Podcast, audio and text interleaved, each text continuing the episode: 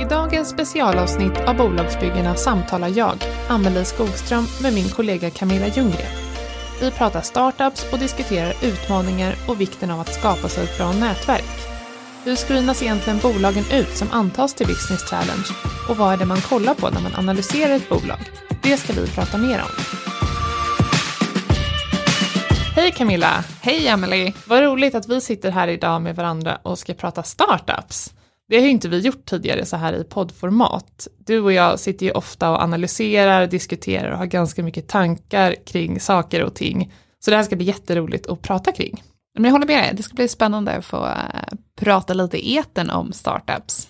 Jag har ju gästats av ett antal entreprenörer under våren som går Business Challenge affärsutvecklingsprogram och har pratat om hur det kommer sig att det har blivit entreprenörer, utmaningar det står inför och framtid. Du och jag har ju lång erfarenhet av att analysera bolag och har analyserat omkring 5000 startups under åren. Jag tänkte vi kunde börja lite och prata kring vad vi kollar på när vi analyserar ett startup. Vi jobbar ju med en metod som har visat sig vara väldigt framgångsrik genom åren och har ju en, idag en alumniportfölj som är värderad till 51 miljarder. Jag tänker, kan inte du börja berätta lite, vad kollar vi på när vi analyserar ett bolag? Jo, men först och främst så tittar vi på de här tråkiga grejerna. Vi gör en finansiell besiktning av bolaget, vi tittar på det juridiska, vilka frågor kan dyka upp där, finns det avtal, kontrakt och lite associationsrätt och sådana saker. Och sen så tittar vi såklart också på skattemässiga underlag, vi ser att de är registrerade för skatt och moms och sådana saker. Eh, ja, men en teknisk besiktning helt enkelt av företaget, tillgångarna och, och vad vi tror att det kanske har för värde. Eh, så, så, så börjar vi egentligen, men sen går vi in på det som är mer spännande tycker jag i alla fall. Jag håller med dig. Det är ju teamet är ju en stor del vad vi eh, kollar på initialt. Ja, alltså teamet är ju allt. Det tycker jag verkligen att man kan säga att vi har lärt oss genom åren. Att det är ju där avgörandet ligger om det här kommer bli ett bra bolag eller inte. Och det kanske inte alltid är så lätt som man tror att särskilja de här teamen. För ofta så kanske man tänker, ja men ett bra team det är ju den där entreprenören som är beredd att liksom gå igenom väggar varenda dag eh, och bara slåss för sin sak.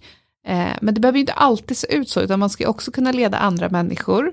Man ska göra lugnet, man ska liksom inte springa på för många fel dörrar, man ska ha lite lugn, våga invänta vissa händelser och vissa situationer. Och, ja, det, det finns massa olika saker som, som en framgångsrik entreprenör utstrålar och det där tror jag är mycket magkänsla. Alltså man lär sig det här när man har analyserat så många bolag och träffat så många entreprenörer. Man lär sig se signaler och tecken som att det här kommer bli himla bra. Nej, men jag håller helt med dig. Ju, man ser ju ofta den här glöden i ögonen på de entreprenörerna som verkligen eh, lyckas och ja, men som har det där lilla extra. Ja, och de, de har också tänkt själva. De har liksom bra koll på sin sak, de kan sin grej.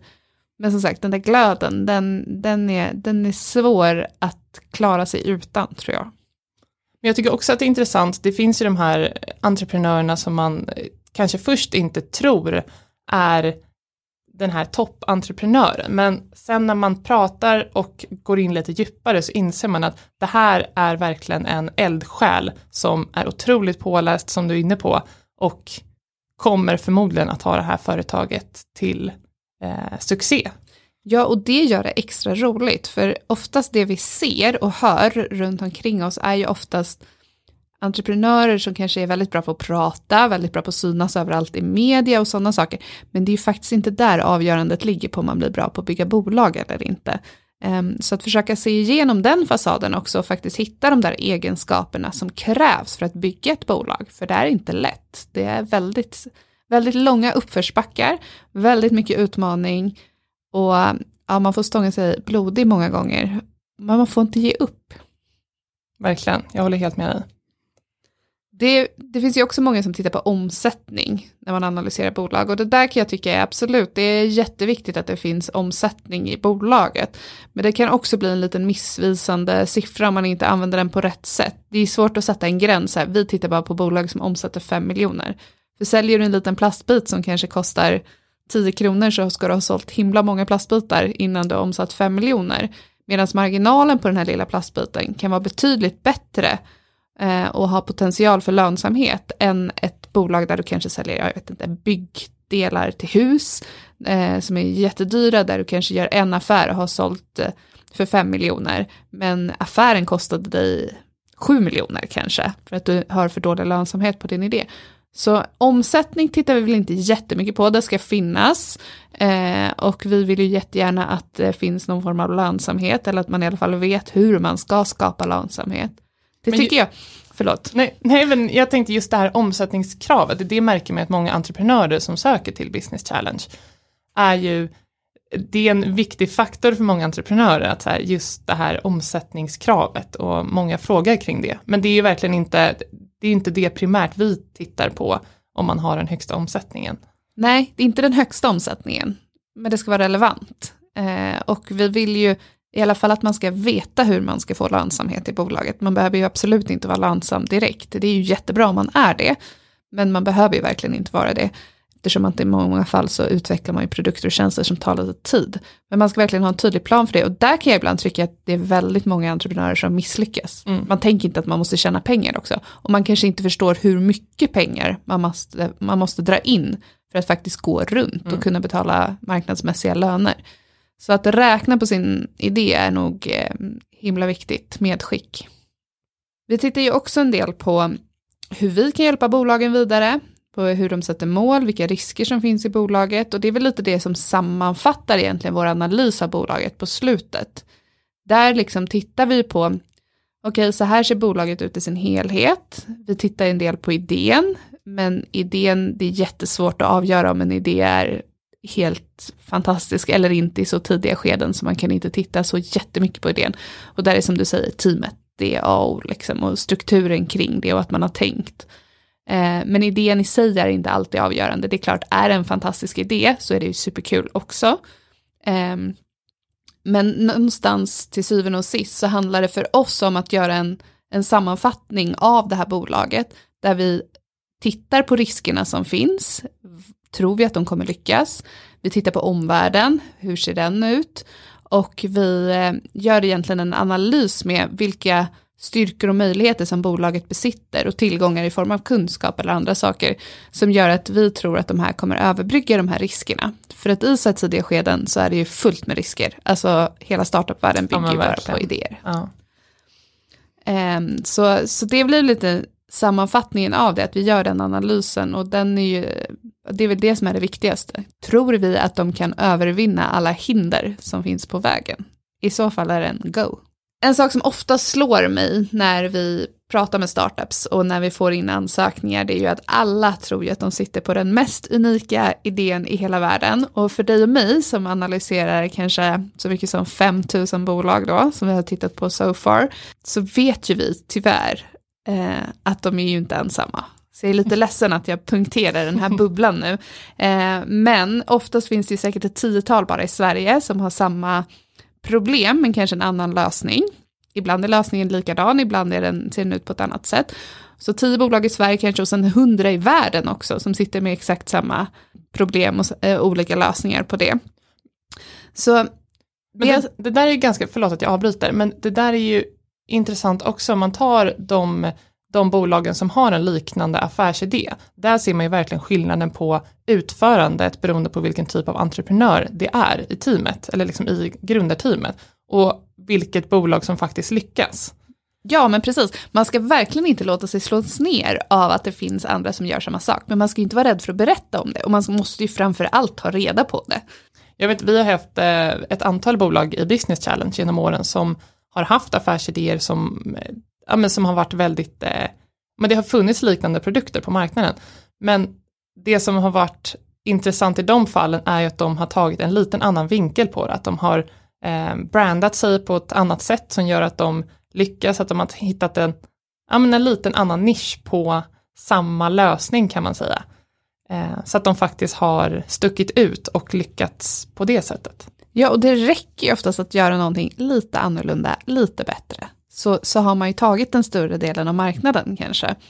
Och um, jag kan bli så här, ibland så kan man, när vi tittar på så mycket idéer som som vi har gjort så kan man bli så här, men shit, finns det verkligen något kvar att göra? Den där känslan kan ju slå en och den tror jag säkert slår många som, som är i startup-världen, gud allt finns och vad ska jag göra? Men men herregud, det finns det hur mycket som helst att göra där ute. Det finns ju underutvecklade branscher, det finns branscher som står inför stora utmaningar och förändringar. Och det tycker jag att våra bolag Recoma och Microdry är väldigt bra exempel på.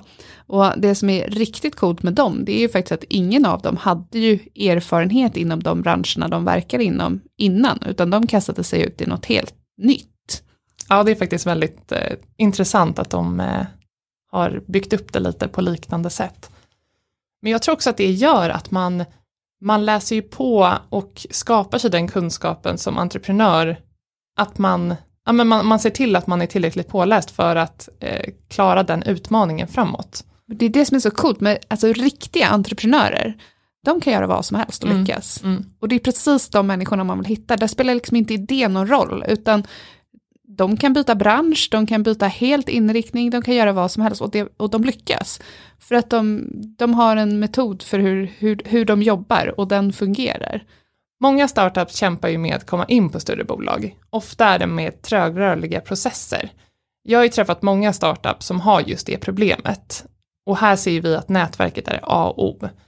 Och självklart gäller det att bolag som ska komma in på även mindre företag eh, använder sig av nätverk. Men just det här med nätverk är ju en betydande faktor för att startup ska lyckas och det ser vi faktiskt väldigt många tydliga exempel på. Och nätverk är ju det faktiskt vi på Business Challenge jobbar med och hjälper entreprenörer att komma i kontakt med rätt personer eh, för att ta dem till nästa nivå. Vi antar ju bolag varje höst som går igenom vår screeningprocess och som då får presentera inför vår näringslivsjury. Jag minns några exempel genom åren.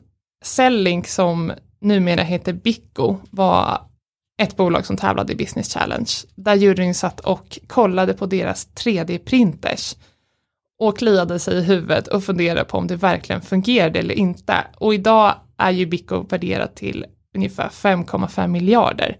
Det tycker jag är så otroligt häftigt hur ett, ja men, de är ändå så pass tidigt fas när de är med i Business Challenge och man vet inte riktigt, stämmer eller stämmer inte, men man ser glöden i entreprenörerna och man ser den här potentialen i bolaget och att det faktiskt utvecklas till så här stora och etablerade bolag som det är idag.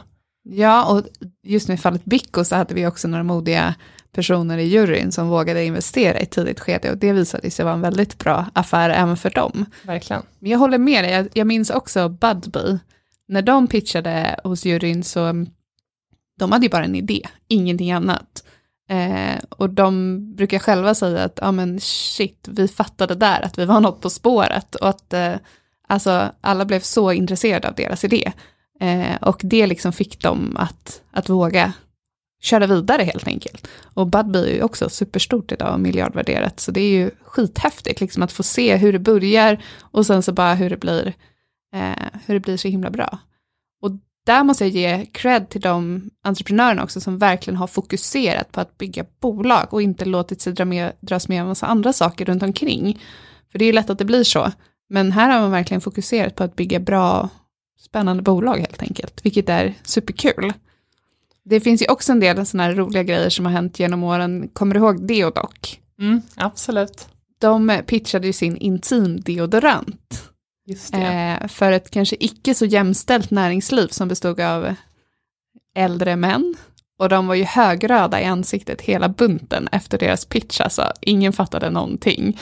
Och tyckte shit att det här var superpinsamt. Jag menar, det och dock idag omsätter de drygt 30 miljoner eller ja. Exakt. Man ska verkligen inte underskatta alltså människor och idéer som, som flimrar förbi för att eh, finns glöden där så kan det bli riktigt bra. Håller helt med dig. Vi hade också ett bolag som eh, pitchade, mm, de hade mm, insekter som man eh, använder för, liksom, för maten som en proteinkälla. Där jag vet att juryn också var väldigt skeptiska och alla fick smaka på de här eh, skalbaggarna. Men det är idag, jag tänker, hade ett sånt bolag presenterat idag så hade inte det varit lika kontroversiellt eller lika eh, svårt att tänka sig, för idag går ju debatten i samhället att, att vi faktiskt är på väg lite ditåt. Så det handlar ju också lite det här kring timing med ett bolag, tänker jag. Eh, när man, när i tiden man, man eh, ja, men är verksam och att, att man måste vara mogen för marknaden också. Det kan ju ta några, några år extra innan man faktiskt är mogen. Ja, och det är ju lite det som är utmaningen också för många startups, precis som du var inne på. Om man då jobbar med, med att man kanske behöver ha stora bolag som kunder, eller man kanske behöver komma in på stora bolag för att få den här plattformen att kunna accelerera från. Om man då är lite för tidig på sin idé, och sen så har de ganska tröga beslutsprocesser som du nämnde, då är det ju en risk att det här inte synkar och att bolaget försvinner med en väldigt bra idé. För att som startup kanske du har, om du har tur, likviditet för ett halvår. Och eh, ett halvår har inte de ens hunnit fatta beslut på, utan det kanske tar ett och ett halvt år. Liksom. Eh, och där tappar vi ju en del bra idéer som kanske var lite för tidiga. Så absolut, det där med timing, det är minst lika viktigt som team. Camilla, det var jättekul att snacka lite startups med dig. Ja, jag skulle vilja skicka med en sista sak. Och det är som vi pratade lite om, nätverk. Jag tror verkligen att nätverk är A och O för att accelerera sitt tillväxtbolag. Så vill man växa snabbare och på ett resurseffektivt sätt så tror jag att nätverk verkligen grunden i det. Och därför skulle jag vilja tipsa alla bolag som sitter där ute att söka till Business Challenge. För vad vi har är verkligen nätverk. Och vi har så mycket track record som visar på hur vårt nätverk har fått små startups att växa och bli jättehäftiga bolag. Så ta chansen, ansökan är faktiskt öppen just nu. Ja, och stänger efter sommaren. Bra. Härligt. Ja, men tack för idag Camilla. Tack själv. Tack för att du har lyssnat på Bolagsbyggarna. Sitter du och funderar på om du ska söka till Business Challenge så tycker jag att du ska söka. Deadline för ansökan är 15 september. Vi önskar er en fin sommar och hörs igen till hösten.